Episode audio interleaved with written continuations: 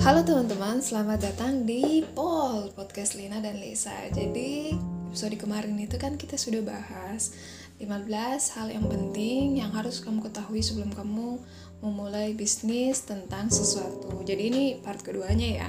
Saya senang sebenarnya lihat dengan grafik ya karena uh, sepertinya para pendengar kita atau teman-teman itu lebih suka mendengarkan sesuatu hal yang berhubungan dengan self improvement di bagian finansial contohnya uh, yang best bukan juga best seller sih sebenarnya yang tinggi-tinggi grafik eh tinggi-tinggi trafiknya untuk mendengarkan itu kalau yang satu itu review Sebenarnya review buku dari Robert T. Kiyosaki ada juga yang uh, mencintai diri sendiri pokoknya memang yang bersifat untuk self improvement atau juga yang banyak pendengarnya itu dia iya kayak seperti itu. Dan sekilas sedang mengatur keuangan itu juga lumayan banyak ya. Dan juga siswa setelah lulus. Kayaknya teman-teman ini mulai menarik atau mulai berjuang untuk mencari cuan ya. Dan selalu ayo semangat semangat. Karena kaki ada banyak jalan menuju Roma ada banyak jalan untuk memulai bisnis dan ada banyak jalan untuk memperbaiki nasib. Jadi bagi para teman yang ingin cari uang kan sekarang itu kita lagi diajarkan untuk ekonomi mandiri karena memang lapangan pekerjaan itu semakin sempit. Jadi memang ada juga yang memaksa bahwa kita itu harus lebih mengarah ke wirausaha. Seperti yang memang dijelaskan uh, beberapa saya rasa sih trennya ya kalau zaman dulu tahun 70-an sampai 90-an lapangan pekerjaan itu masih banyak. Makanya pegawai itu lebih banyak lebih diminati. Akan tetapi sekarang semakin sedikit lapangan pekerjaan maka orang-orang dipaksa untuk menjadi mandiri dan menjadi para bisnismen atau bisniswoman nah kita lanjut lagi ya. Yang kemarin kan ada 15 hal-hal penting yang Anda harus ketahui sebelum memulai bisnis. Kan saya udah paparkan panjang, tapi yang intinya adalah kalau memulai bisnis itu harus intinya dieksekusi gitu. Oke, karena kita sudah bahas dari nomor 1 sampai nomor 8, maka saya akan mencoba melanjutkan ke nomor 9. nomor 9 ya. Jadi Nomor 9 itu lanjutannya yaitu long term success depend on your ability to manage your resource. Jadi uh, sukses yang panjang itu bergantung kepada bagaimana caranya kita memanage resource. Kayaknya saya sudah pernah sebut deh. Oh iya, bagaimana caranya manage resource? Saya coba mereview kembali ya. Maksudnya manage resource itu bagaimana caranya kamu bisa uh, mengatur keuangan bagaimana juga caranya kamu bisa mengatur pegawaimu? Bagaimana juga caranya kamu bisa mengatur bisnis supaya dia itu jalan gitu. Kalau mengatur keuangan saya rasa seperti uh, pernah juga saya dikasih materi oleh Pak Wicaksono. Pak Wicaksono yang punya baba eh kebab baba gitu yang sudah buka IPO dan kapitalisasi pasarnya sudah satu triliun iya saya ketemu pada saat waktu dia datang di Kendari dia bilang begini sebenarnya yang penting itu dari bisnis bagaimana caranya kamu bisa mengatur keuangan. Mengatur keuangan di sini yang dia maksud adalah harus mempunyai pembukuan yang terinci. Ya ini dari master dia yang bisnis ya. Harus mempunyai pembukuan yang terinci jadi harus tahu di mana arus kas keluar dan arus kas masuk itu teratur. Jadi catatannya itu mereka harus lengkap seperti itu karena memang seperti supaya kita bisa tahu dari mana uang kita masuk apakah uang itu lebih banyak daripada modal eh keuntungan kita lebih banyak daripada modal atau juga uh, uang kita itu harus dibayar untuk sesuatu yang keperluan yang tidak perlu. Ya, tidak perlu untuk mengembangkan sesuatu eh, mengembangkan hal di bisnis yang masih dianggap seperti opsional.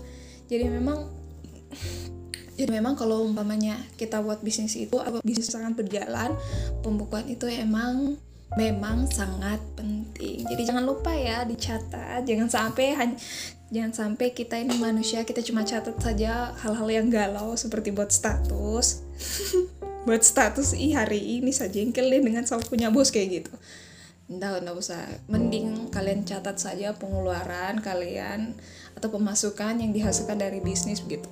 Supaya kalian bisa tahu di mana sektor-sektor uang itu berada kayak gitu. Nah, yang selanjutnya setelah nomor 9 yaitu nomor 10.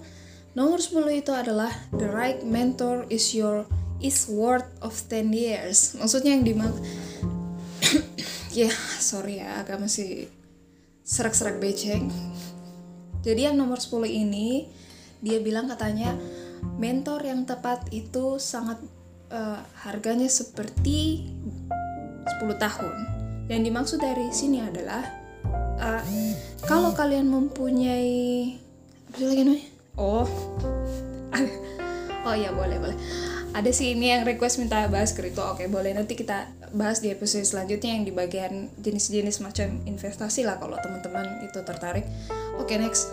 Jadi yang nomor 10 ini yang dimaksud adalah uh, bagaimana uh, mentor yang bisnis itu berkembang kalau kita bisa mendapatkan mentor yang tepat ini yang dimaksud karena mentor itu mempunyai pengalaman yang bisa mengajarkan kalian dan akan mempunyai dan kemungkinan mempunyai solusi yang kalian hadapi saat ini. Jadi daripada kalian berusaha untuk mencari solusi dalam jangka waktu yang lama, mending langsung kalian bertanya kalian permasalahan kalian ke mentor supaya mentor itu mungkin di pengalamannya kemarin dia bisa oh saya ada masalah seperti ini mungkin mentor saya bisa menjawab dan mentor itu bilang oh permasalahan kamu ini sama seperti saya dulu dan solusinya kayak gini kayak A B C dan E jadi emang kalau mentor itu sebenarnya penting ya kalau bagi anda yang masih buta-buta dengan bisnis tersebut atau kalian baru mulai merintis baru dan memang niat itu tidak cukup. Yang penting itu adalah ilmu dan ilmu itu biasanya didapatkan dari mentor yang sudah mempunyai pengalaman bertahun-tahun di bidangnya. Jadi contohnya kita ini adalah seorang yang baru mulai belajar membaca. Nah, supaya belajar membaca, kita membutuhkan guru yang sudah bisa membaca dan emang dia sudah lama membaca buku tersebut bertahun-tahun seperti itu. Jadi memang mentor itu kalian tetap butuhkan. Ya, pentinglah seperti itu. Mentor. Jadi memang mentor itu mentor. Jadi emang mentor itu penting ya. Oke, lanjut. Nomor 11. Nomor 11 yaitu there are no shortcut to any place worth go.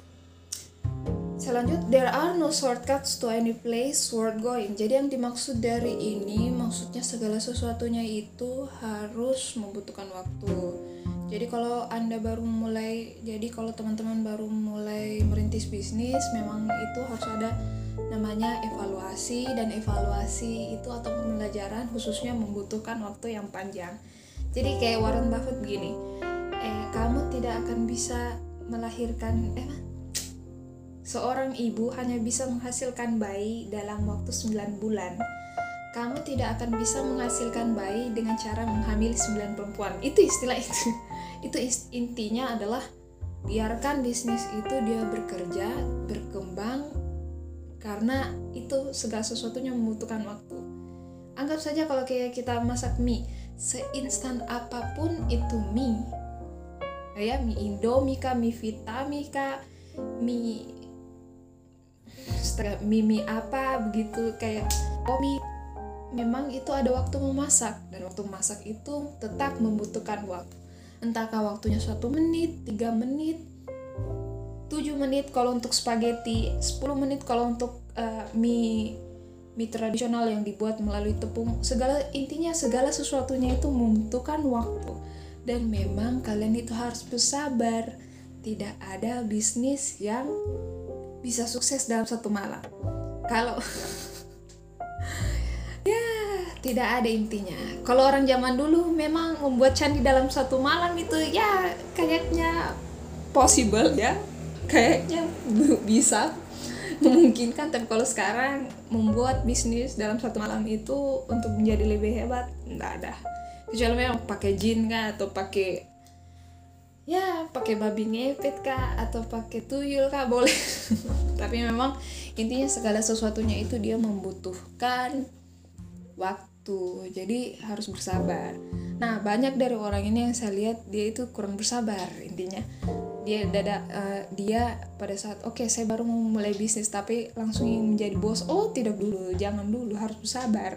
Kalian itu harus menjadi pegawainya dulu mulai dulu dari bawah kemudian uh, sedikit-sedikit melangkah kalian belajar pada saat eksekusi eh belajar pada saat bisnis tersebut jalan bersabar dan palingan itu segala sesuatu yang akan terbayar di masa depan dan intinya memang uh, waktu itu kita tetap membutuhkan agar kita bisa belajar sesuatu dari bisnis tersebut. Entahkah kita belajar tentang kesabaran atau juga kita belajar bagaimana cara untuk manage waktu yang lebih baik, cara berkomunikasi dengan orang. Kan kalian itu adalah bos jadi eh, pionir atau kalian juga menjadi pekerja atau juga kalian cara berkomunikasi dengan klien, customer, customer atau kalian bisa ya intinya segala sesuatunya membutuhkan waktu dan seperti itu tidak terkecuali oleh bisnis atau apa pun itu ya oke okay, nomor 11 there are no shortcuts. Itu maksudnya tidak ada yang saya sudah bilang tadi ya tidak ada jalan pintas untuk segala sesuatunya. Karena memang kalau sesuatu karena memang kalau sesuatu yang instan itu memang kita harus waspadai. Aduh motor yang lewat. Segala sesuatu yang instan. Jadi kalau ada yang iming-imingnya kalian eh kalian ikut bisnisku besok tuh kalau langsung kaya hmm bisnis ilegal lagi tuh pak. Kok orang ditipu biasa itu. Contoh atau kayak Tuhan. Ada tadi lewat iklan motor ya polusi udara. Ya jadi contohnya kalau ada yang bilang e, Lina kok ikut bisnisku? Besok tuh kalau langsung kaya hmm. Biasanya tuh tipu-tipu ya oke okay. nomor 12 keeping your head down and grinding will make or break.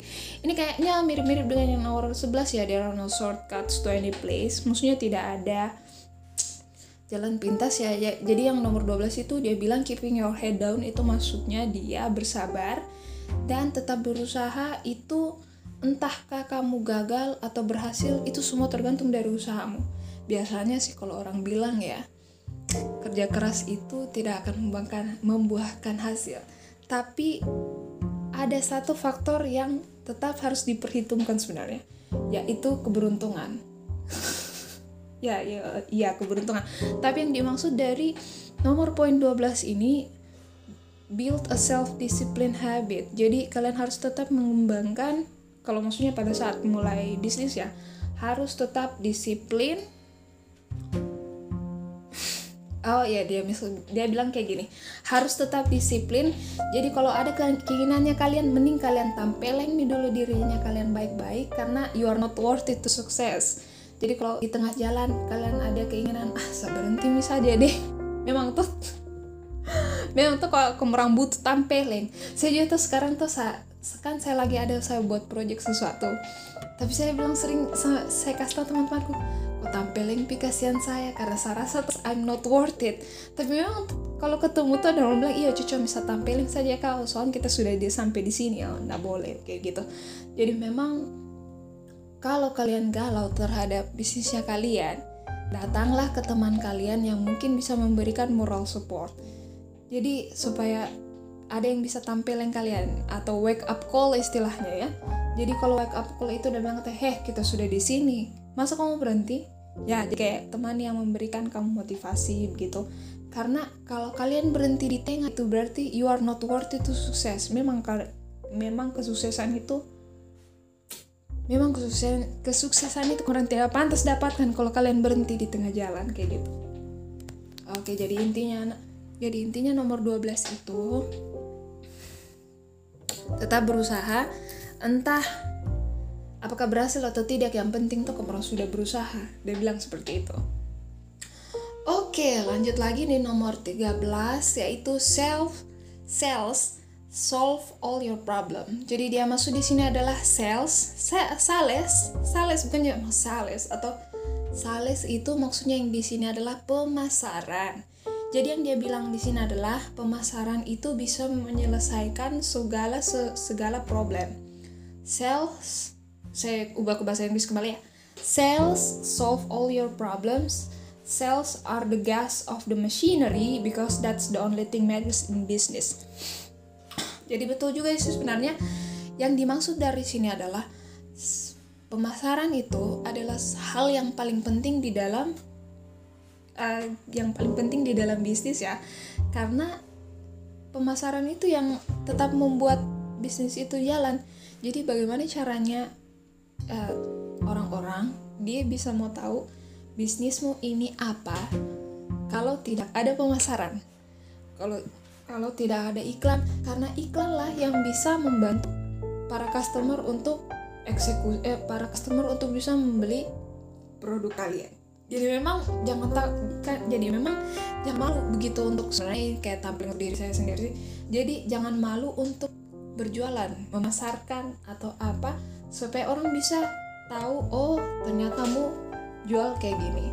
Minimal orang bisa tahu apa yang kalian jual begitu kalau orang tidak tahu mana orang bisa memutuskan untuk beli? Jadi memang istilahnya kalau teman-teman itu tidak ada yang jadi kayak gini. Istilahnya kalau kita memasarkan itu minimal mereka tahu beli atau tidak tidak masalah. Karena siapa tahu ya kalian memasarkan produk kalian ke teman-teman kalian. Teman-teman kalian mungkin ada yang niat tidak beli tapi dia membantu untuk menjualkan gitu. Jadi uh, contohnya kamu menjual uh, eh, HP ke A A lagi bagus HP-nya tapi temannya A si B ini dia lagi cari HP Sa jangan sampai ya pembeli kalian bukan si A tapi si B tapi rezeki kalian melalui A kayak gitu jadi yang dibilang di sini memang pemasaran itu menyelesaikan segala problem kalian. Karena memang itu intinya. Karena memang itu intinya pada saat berjualan. Ya kalau memang berbisnis kalian harus jangan malu atau jangan gengsi untuk memasarkan barang-barang kalian ke orang-orang. Kenapa itu sales itu sangat penting jadi contohnya sales itu dia kayak gini uh, sales itu sebenarnya sales itu sebenarnya bagian yang penting daripada saat penjualan jadi kalau kalau di perusahaan besar itu kan dia biasa menggembar-gemborkan dengan cara memasangkan iklan entah di TV, di radio atau di apa supaya produk mereka itu bisa diketahui oleh halayak umum. Sedangkan kalau uh, jadi contohnya juga biasa ya, ya kalau sales itu kalau menjual atau mengiklankan itu kayak iklan rokok uh, kalau perusahaan sampurna itu biasa dia mengalokasikan 20% dari profitnya itu diputar kembali menjadi iklan atau advertisement supaya orang itu bisa membeli kembali. Jadi uh, sales atau teknik pemasaran itu macam-macam. Ada yang teknik pemasarannya melalui perasaan atau apa.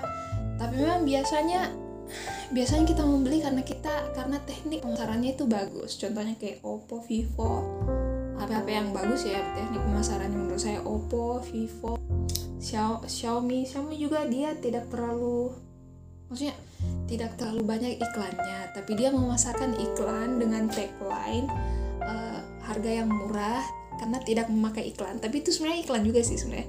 Dan lanjut lagi, teknik sales yang sangat efektif itu menurut saya yaitu iPhone.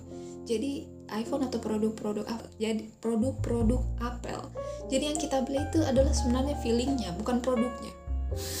jadi feelingnya bukan produknya. Jadi intinya di dalam bisnis itu yang kita beli adalah iklannya sebagian kita beli produknya sebagian kita beli iklannya kayak gitu jadi intinya sales itu adalah kalau dibilang bensin supaya bisnis itu bisnis atau kendaraan itu tetap berjalan Nah oke, okay, kalau sudah nomor 13, kita lanjut ke nomor 14.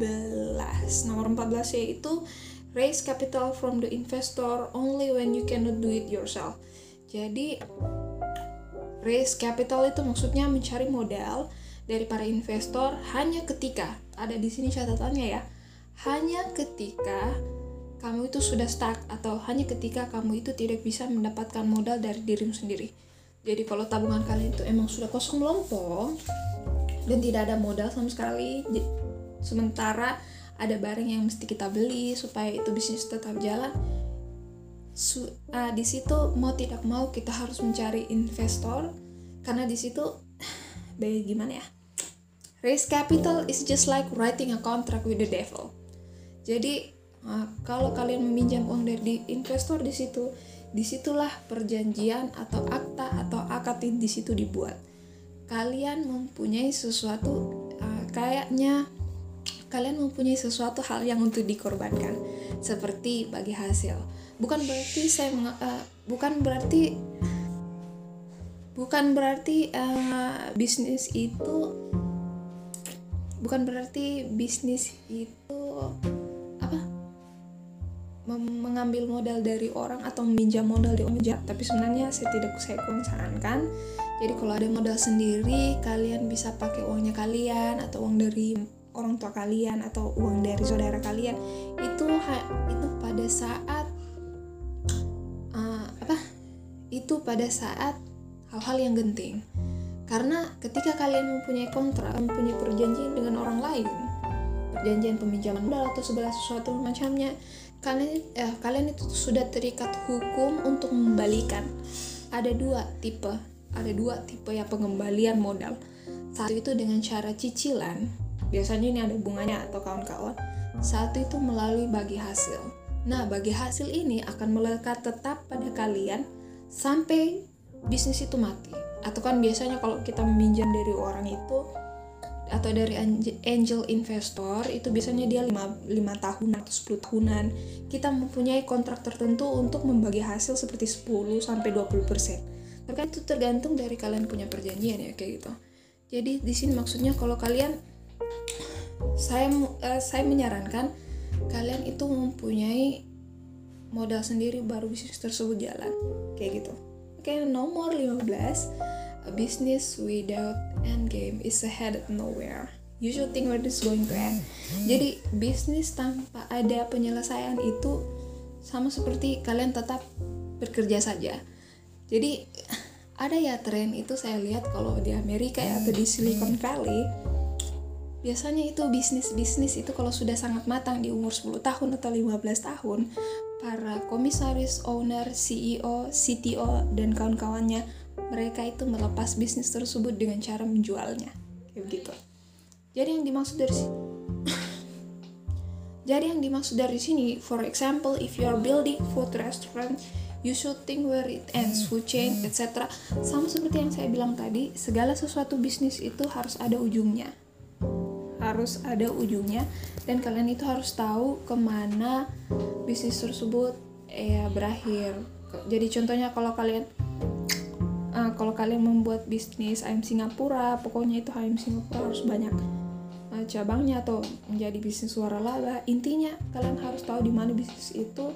Entahkah kalian mau menjualnya ke orang lain atau kalian mengembangkannya menjadi sesuatu yang sangat besar.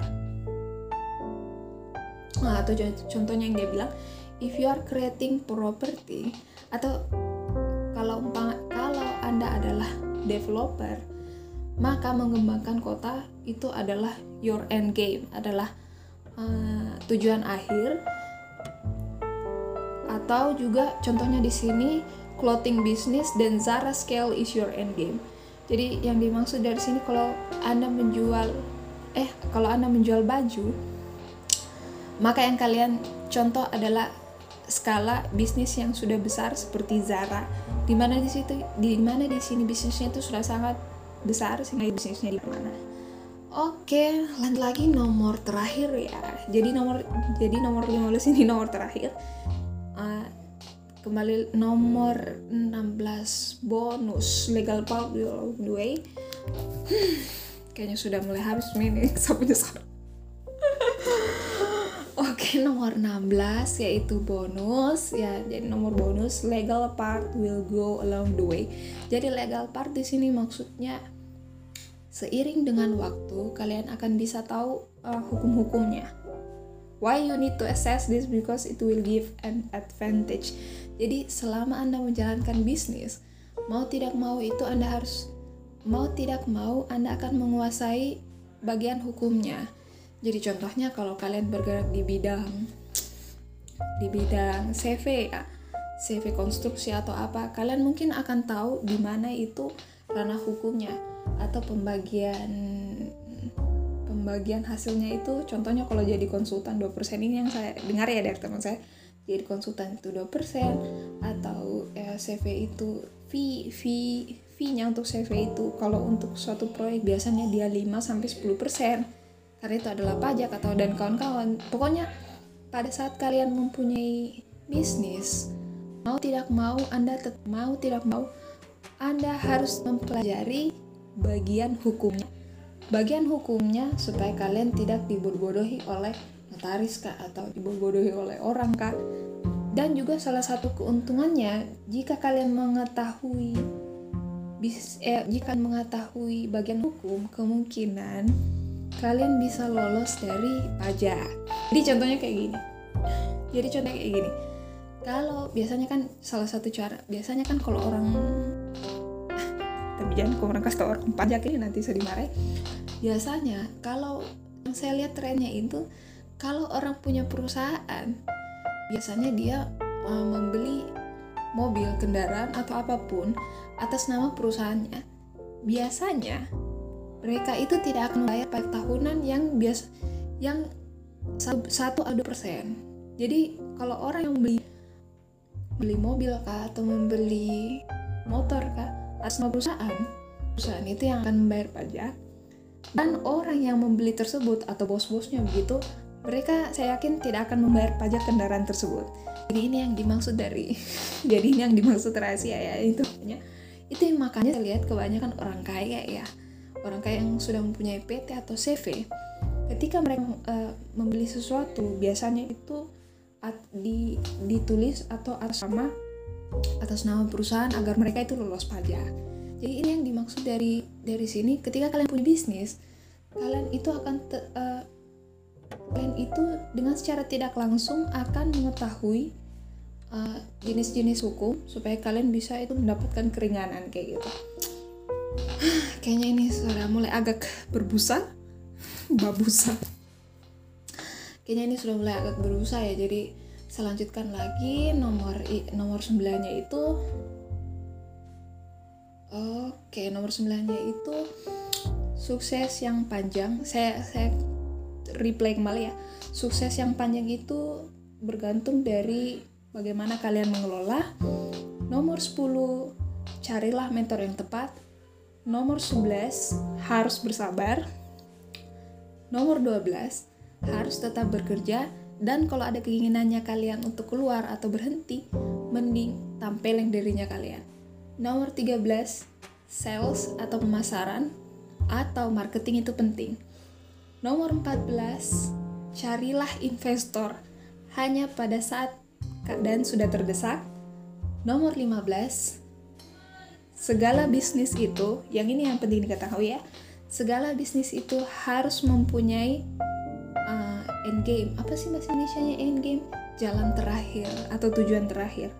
Dan nomor 16 itu harus yang penting itu uh, bonus kalian kemungkinan akan mempelajari hukum ranah hukum pada saat kalian membangun bisnis. Oke okay, I think that's all from our kayaknya saya agak capek nih. Oh oke okay, I think that's all from our podcast hari ini dan kemungkinan saya akan membahas yang jenis-jenis investasi di masa depan ya karena ada requestan bagaimana caranya untuk membeli atau jual beli saham atau jenis-jenis investasi itu ada berbagai macam apa saja. Dan oke okay lah nanti kita akan bahas. Dan kripto itu apa? Pokoknya ada banyak deh ini yang bisa kita bahas kalau di bagian finansial literasi ya. Oke okay, I think that's all. Karena seperti yang Tasha bilang katanya kak yang membuat bahagia itu yang membuat kita bahagia itu apa? Uang. Nah, cakap mana ini yang uang? Tidak tidak dibawa mati. Kalau nggak ada uang kita mati. Oke lah. Jadi memang oke jadi jadi memang ya hari ini kita sudah menyelesaikan 15 hal yang penting yang harus ketahui pada saat membuat bisnis. Jadi intinya bisnis itu harus dieksekusi maka ya harus dieksekusi. Bagaimana cara mengeksekusinya dan juga bagaimana anda pintar-pintar mengeksekusi bisnis tersebut. I think that's all from our meetings today uh, from our podcast today jadi hari ini. So thank you. Terima kasih bagi yang mendengarkan. Dan bagi kalian yang ingin memberikan drop uh, Lina apa sih bagusnya kalau umpamanya kita bahas kayak gini kayak gini oke drop saja tinggal komen saja di atau bisa DM saya saja secara pribadi atau DM Lisa. Jadi ya mungkin lah kita mempunyai pencerahan topik apa yang bisa kita bicarakan untuk selanjutnya. Oke okay, thank you very much. Terima kasih untuk mendengarkan dan bye bye